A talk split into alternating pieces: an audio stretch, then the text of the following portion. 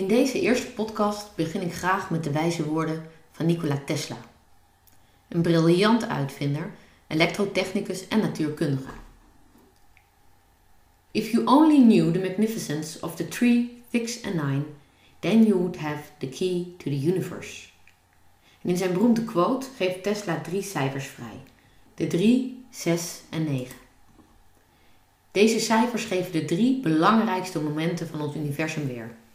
De 3 staat voor de geboorte van ons universum. De 6 staat voor het moment dat het universum in volle wasdom is gekomen. En de 9 staat voor het sterven van ons universum. Alles wat we kennen in het universum, dus denk aan de planeten, de bomen, de vogels, de insecten, alles kent exact dezelfde levenscyclus als het universum. De 3, 6 en 9 geven de levenscyclus aan van alles wat leeft. Alles wordt geboren, heeft de potentie tot groeien en tot volle wasdom te komen en alles zal uiteindelijk sterven. Ook jij en natuurlijk ook ik. En in deze podcast loop ik kort langs al die negen levensfasen die ons universum kent. Ik zal iets langer stilstaan bij het nu, bij 2020, de tijd waarin het universum zich dus nu bevindt en waar de aarde en wij mensen sterk door worden beïnvloed. Een tijd die wordt gekenmerkt door corona, leiders zoals Trump, vraagstukken rondom veiligheid door middel van drones en apps en vaccinaties. Maar ook een tijd waarin veel mensen zich beseffen dat er iets niet klopt. Mensen die in hun kern voelen dat er iets heel groots staat te veranderen. Dat er een nieuw tijdperk op aarde zich aan het ontvouwen is. De geboorte van ons universum begint bij nul. Nul is de bron van alles wat is. Je hoeft je geen voorstelling te maken van nul. Dat is een vrij onmogelijke taak aangezien nul nuldimensionaal is. Er zijn veel mensen die wel heel graag een voorstelling willen maken van nul en zo heeft nul ook namen gekregen. Denk aan de bron, God, Allah. Ik zelf houd het liever bij gewoon een, simpelweg een cijfer, uh, nul. Waar je wel een voorstelling van kan maken is het levensverhaal van het universum. Dit levensverhaal begint bij de eerste levensfase. En in dit prille begin van het leven laat het universum zich zien als een punt. 1. Deze punt wordt ook wel het nulpunt genoemd. En de energie in deze eerste levensfase noemt men vaak de nulpuntenergie. In 2005 heeft de NASA al bevestigd dat er een energie bestaat die overal aanwezig is, geen gewicht heeft, overal doorheen dringt, uit alle richtingen komt en een zeer hoge natuurlijke trilling heeft en sneller als het licht is. Nou, alles in het hele universum, dus ook jij, bestaat in de kern uit deze energie, de nulpuntenergie. En die projecteert het universum zoals wij deze nu kennen. Voordat het universum die prachtige hemellichamen kreeg, heeft die energie al wel een hele weg afgelegd. De eerste fase die de energie aflegt, daar, daar bevat enorm veel wijsheid, waardoor we de grootste nou ja, misvatting of noem het een leugen van deze tijd kunnen doorzien. De eerste levensfase van ons universum kan je je voorstellen als de oerknal. En als je op internet zoekt, kan je de meest prachtige plaatjes vinden van energie die alle kanten op explodeert. En op die meeste plaatjes is één ding heel duidelijk: in het midden van die explosie zit een perfecte mooie cirkel. Een cirkel waardoor de energie naar buiten lijkt te knallen. Nou, deze cirkel is de eerste levensfase van ons universum. Op dit moment is alles één. Alle energie is één. Het leven is één. Eendimensionaal. En kom ik direct even bij de mensen die van wiskunde houden. Want eendimensionaal hier op aarde is vaak een lijn. Um, ik praat dus echt enkel over één stip, één perfecte cirkel als eendimensionaal. De energie die wij in ons dagelijks leven kennen, heeft een lading. We hebben energie met een positieve lading of energie met een negatieve lading. Maar in deze perfecte ronde cirkel wordt de min en plus oneindig sterk naar elkaar toegetrokken um, door de sterkste verbinding die we kennen, om dan vervolgens te versmelten tot een neutrale energie. En dat is dus die nulpuntenergie. In de tweede levensfase van ons universum verandert deze toestand van energie. Er ontstaan twee kanten. De energie die in de eerste levensfase dus nog neutraal was, vervalt in energie met een positieve lading en een energie met een negatieve lading, min en plus. En die energie met een negatieve lading geeft ons in een latere levensfase de mogelijkheid om de donkerte te ervaren. De kracht van het ontvangen. de kracht die we op aarde vaak vrouwelijk noemen. De energie met de positieve lading geeft ons in een latere levensfase de mogelijkheid om het licht te ervaren, de kracht van het geven, de kracht die we op aarde vaak mannelijk noemen. Het leven zoals wij dat op aarde kennen ontstaat door de verbinding van deze twee kanten van de energie, min en plus, licht en donkerte, geven en ontvangen. We kunnen geen kinderen maken zonder dat de man het zaad geeft en de vrouw het zaad ontvangt. En er kunnen geen bomen, planten, dieren, insecten of noem het maar op. Er kan niks groeien en bloeien en een levenscyclus aangaan als het altijd donker is of als het altijd licht is. De beide kanten van deze energie zijn nodig voor al het leven op aarde. Het leven in deze tweede levensfase van het universum is echter nog heel anders dan dat jij en ik hem kennen hier op aarde. Het is tweedimensionaal, waar ik hiermee bedoel dat het leven nu twee kanten kent, plus en min. Deze twee kanten van de energie zorgen er daarnaast voor dat het universum de mogelijkheid krijgt om materialistisch geboren te worden en ook de materie weer los te laten en dan dus op deze wijze te sterven. De energie met een positieve lading zorgt ervoor dat dus wij geboren kunnen worden en die energie met een negatieve lading zorgt ervoor dat we kunnen sterven. Het universum krijgt de kracht van de geboorte en de kracht van het sterven, waardoor het universum aan een levenscyclus kan beginnen. In de derde levensfase wordt de basis gelegd voor de tijd en de ruimte. Het universum krijgt de kracht van de hoogte, lengte en breedte, waardoor het zichtbaar kan worden in een driedimensionale vorm. Ook krijgt het universum de krachten van het verleden, het heden en de toekomst, waardoor er een beleving kan gaan ontstaan van gisteren, nu en morgen. De tijd van de derde dimensie is dan aangebroken. En dat kan je wederom vergelijken met een mensenkind. In de derde levensfase werkt het kind aan een lichaam dat een breedte, lengte en hoogte kent en dat zich in tijd kan gaan bewegen. Het wordt een kind dat de mogelijkheid in zich draagt een verleden op te bouwen, in het nu te zijn en naar de toekomst toe te leven. Zo bouwen in de derde levensfase van het universum de hemellichamen ook hun eigen materiële lichamen op. 3 is het getal dat vertelt dat de eerste drie levensfasen van het universum zijn afgerond. Drie levensfasen waarin het universum een lichaam heeft gebouwd. De eerste twee levensfasen van het universum zijn volledig etherisch van aard en dus niet zintuigelijk zichtbaar. De derde levensfase transformeert het universum en wordt het materialistisch. De energie kan nu een lichaam projecteren. En dit is de drie waar Nikola Tesla over spreekt. 3, 6 en 9. 3, de geboorte. Zodra het universum een lichaam krijgt, stapt het in de vierde levensfase. Het universum kent echter niet zoals wij één lichaam. Je kan het beter vergelijken met de mensheid, die uit heel veel mensen bestaat. Zo bestaat het universum uit heel veel hemellichamen. Al deze hemellichamen worden in de vierde levensfase geconfronteerd met de kracht van de materiële werkelijkheid. Alles kent een beweging ten opzichte van elkaar in het universum. En het zorgt voor actie, handelen, doen. Deze fase staat voor de doekracht en kent een lage frequentie.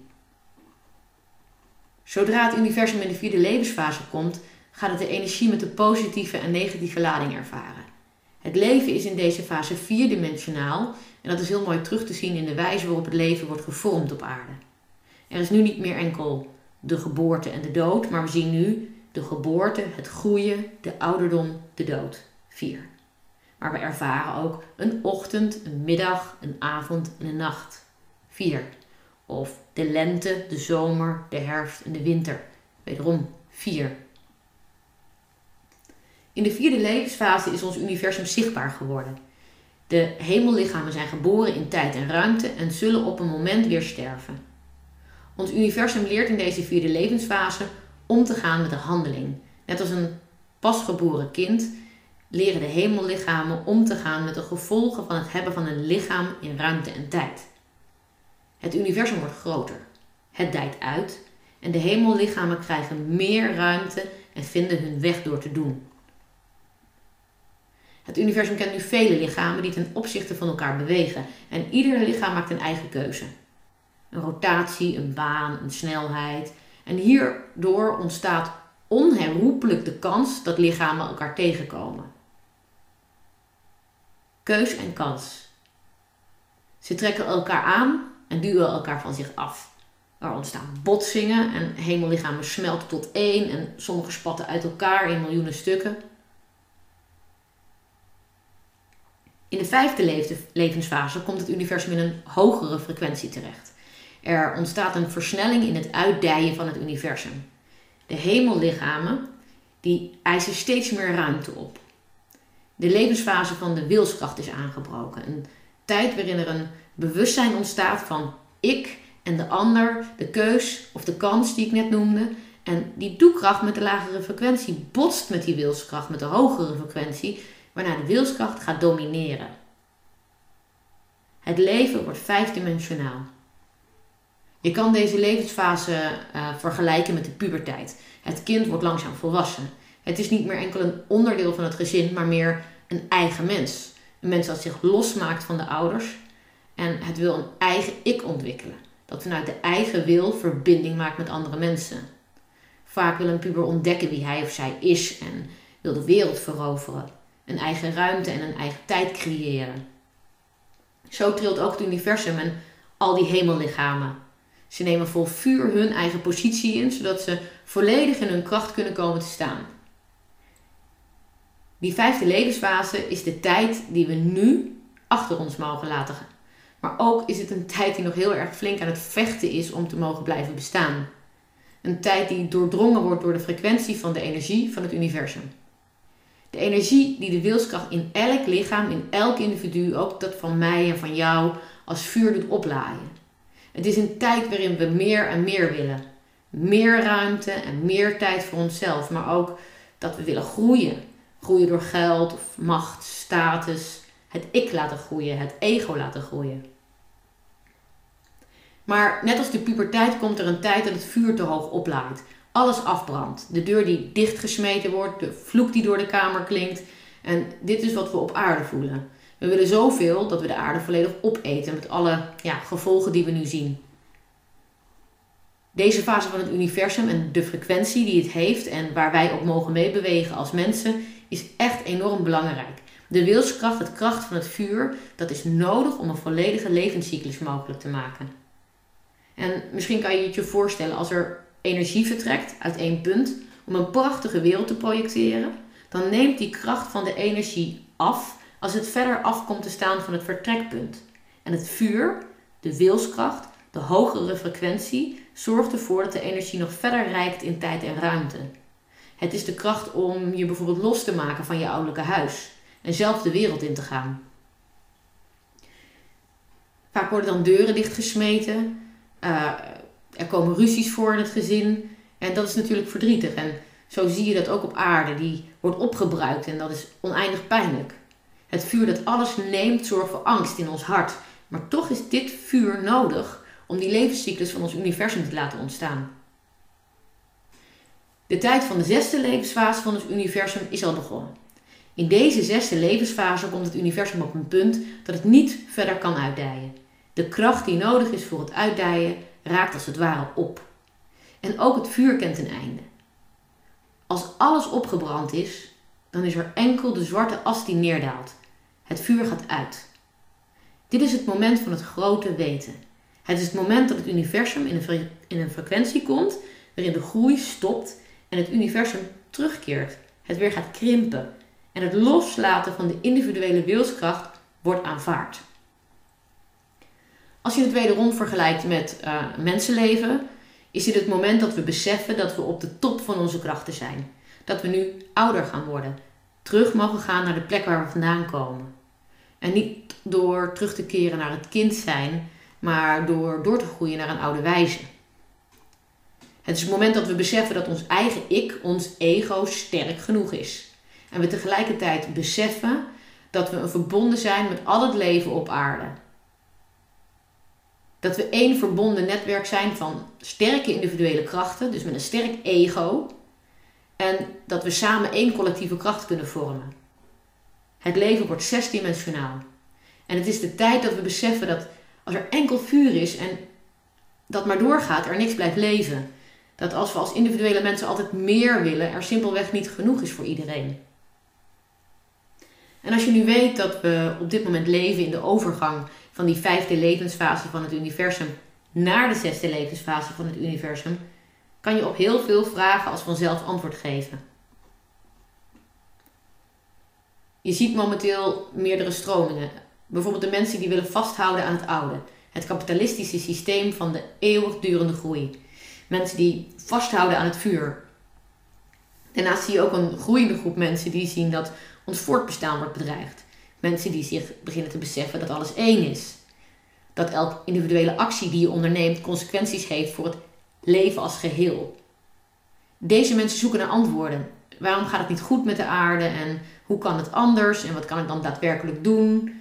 Het zijn mensen die zoeken naar dat grote weten. Hoe sta ik sterk als vrij mens in verbondenheid met alles wat leeft? En hoe kunnen we er samen voor zorgen dat we de aarde weer gezond maken? Een aarde waar genoeg is voor iedereen, voor de mensen, de dieren, de insecten, de bomen, de planten. Mensen die weten dat we in de kern één zijn en nu zoeken naar antwoorden die ze vertellen hoe hun leven dan in te richten. We zien daarnaast ook verschillende kampen ontstaan. Enerzijds zien we mensen die heel bang zijn, omdat deze tijd met alle klimaatveranderingen, die bosbranden, corona, grote vluchtelingencrisis, dat dat laat zien dat uh, de andere kant van het leven de dood is. Ja, en dat valt natuurlijk ook niet te ontkennen. Er gaan mensen dood en de komende jaren zullen dat er steeds meer zijn. En dat is simpelweg omdat we met te veel zijn. De balans is zoek. En we zien die mensen die bang zijn en zich daardoor keurig aan de regels houden en die ook echt boos worden op andere mensen als die dat niet doen. Anderzijds zien we mensen die bang zijn voor het gegeven dat hun rechten worden afgenomen. Het recht om samen het leven te vieren, tijdens het leven elkaar lief te hebben en daarna te vieren dat we sterven.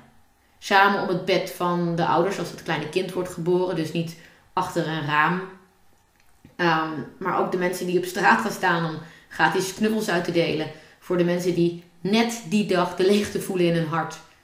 Of samen om het bed van opa of oma die gaat sterven en afscheid neemt van een heel lang en indrukwekkend verhaal. We zien mensen die boos zijn op de regels en de wetten, boos zijn dat de overheid en de bedrijven niet veranderen. Mensen die vechten om hun rechten te behouden. Mensen die weten dat ook zij kunnen sterven door bijvoorbeeld corona, maar dat ze liever vrij sterven aan corona dan verbonden te zijn aan de regels en wetten die de afstand tussen mensen vergroten. Als het universum de levensfase 4, 5 en 6 heeft doorlopen, dan zijn er weer drie levensfasen van het universum volledig. Drie levensfasen waarin het universum de individuele hemellichamen geboren heeft laten worden en deze volledig zijn uitgegroeid in materiële vorm van energie. Het moment dat het universum zich beseft dat alle hemellichamen een eenheid vormen en het tijd is om vanuit deze eenheid te handelen. Dit is de zes waar Nikola Tesla over spreekt. 3 en 6 zijn nu compleet. 3, 6 en 9. Na de zesde levensfase van het universum komt de grote omslag. De zichtbare levensfase van het universum is op de helft en het universum gaat nu weer krimpen. Het besef dat de oneindige groei niet kan doorgaan is volledig, ook in ons mensheid. En om te beseffen wat er nu gaat gebeuren, ga ik even terug naar de tweede levensfase.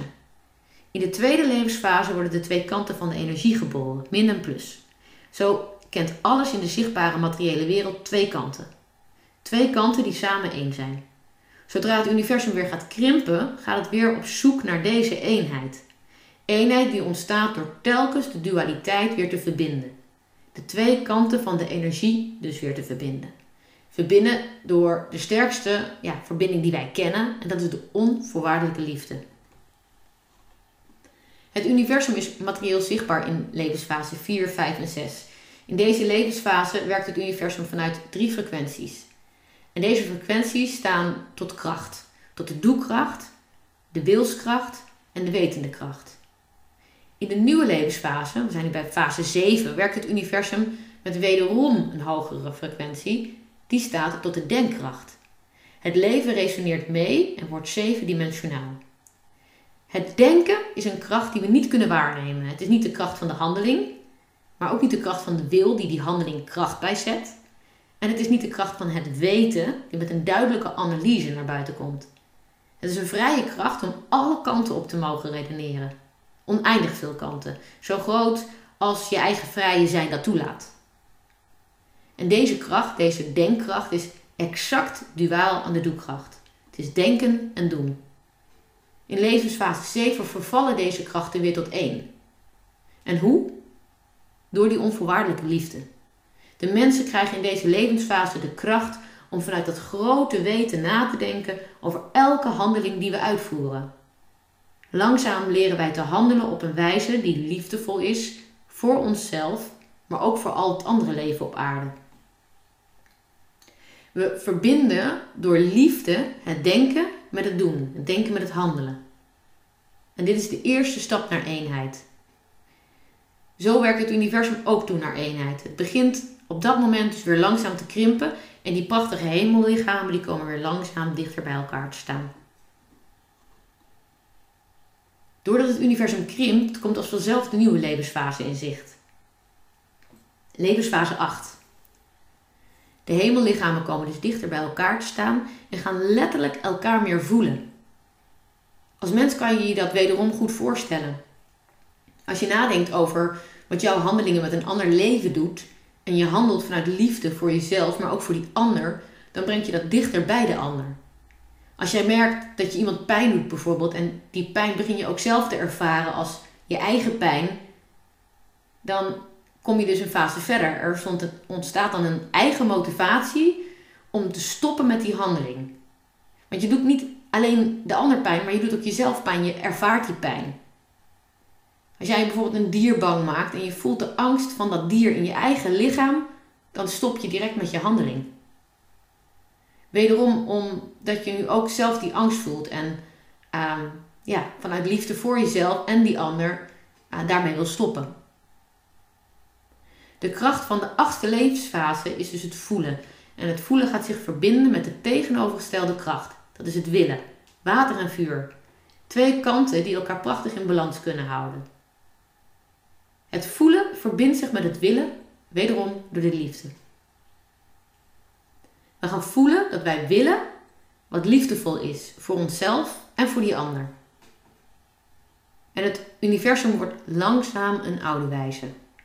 En zo mogen wij ook als mensen in deze levensfase doortransformeren naar oude wijze. Hierna komt het universum in haar laatste levensfase. Dit is de negende levensfase.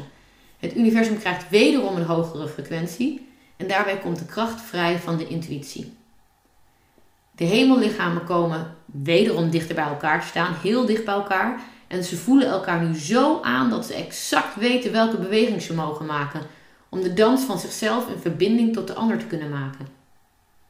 En wij mensen mogen wederom mee resoneren en ervaren dat we vrij kunnen bewegen vanuit wie we zijn. En tegelijkertijd één verbonden eenheid zijn. We staan dan heel dicht bij elkaar. Om te weten dat er maar één stadium is nu, waar we dan nog naar verlangen. En dat is die volledige eenheid. En dan vervallen in neutrale energie. Alles wordt weer tot elkaar aangetrokken met die sterkste kracht die wij kennen, de onvoorwaardelijke liefde. De kracht van de energie met een oneindige sterke positieve lading en een oneindige sterke negatieve lading ja, wordt bij elkaar gebracht en dan brengt dat de dood. Het sterven. Het is een moment dat ook wij mensen een leven uh, al achter de rug hebben. En je intuïtief voelt dat het tijd is om te gaan. Dat het wel mooi is geweest. Dat jouw energie weer vrij mag komen. Dat het terug mag gaan naar één. Waar het thuis komt bij iedereen die je in je leven hebt liefgehad. Om dan te vervallen tot nul. Waar jij weer vrij bent om opnieuw geboren te worden. Zo zal ook het universum op een dag sterven. Zonder angst. Vol liefde. Liefde die weet dat sterven betekent dat je een volledige levenscyclus hebt omarmd. Dat je exact hebt gedaan wat je mocht doen. Geboren worden, leven en sterven. En op een dag zal het universum sterven en wij als mensheid ook. Met een glimlach op onze lippen, dus zonder angst. Omdat wij weten dat we thuiskomen en ja, dat er dan weer een nieuw universum geboren mag worden. Het verhaal in deze podcast is af. De hele levenscyclus van het universum hebben we doorlopen. Maar ons verhaal hier op aarde is natuurlijk nog lang niet af. Wij transformeren met het universum mee van de vijfde naar de zesde levensfase.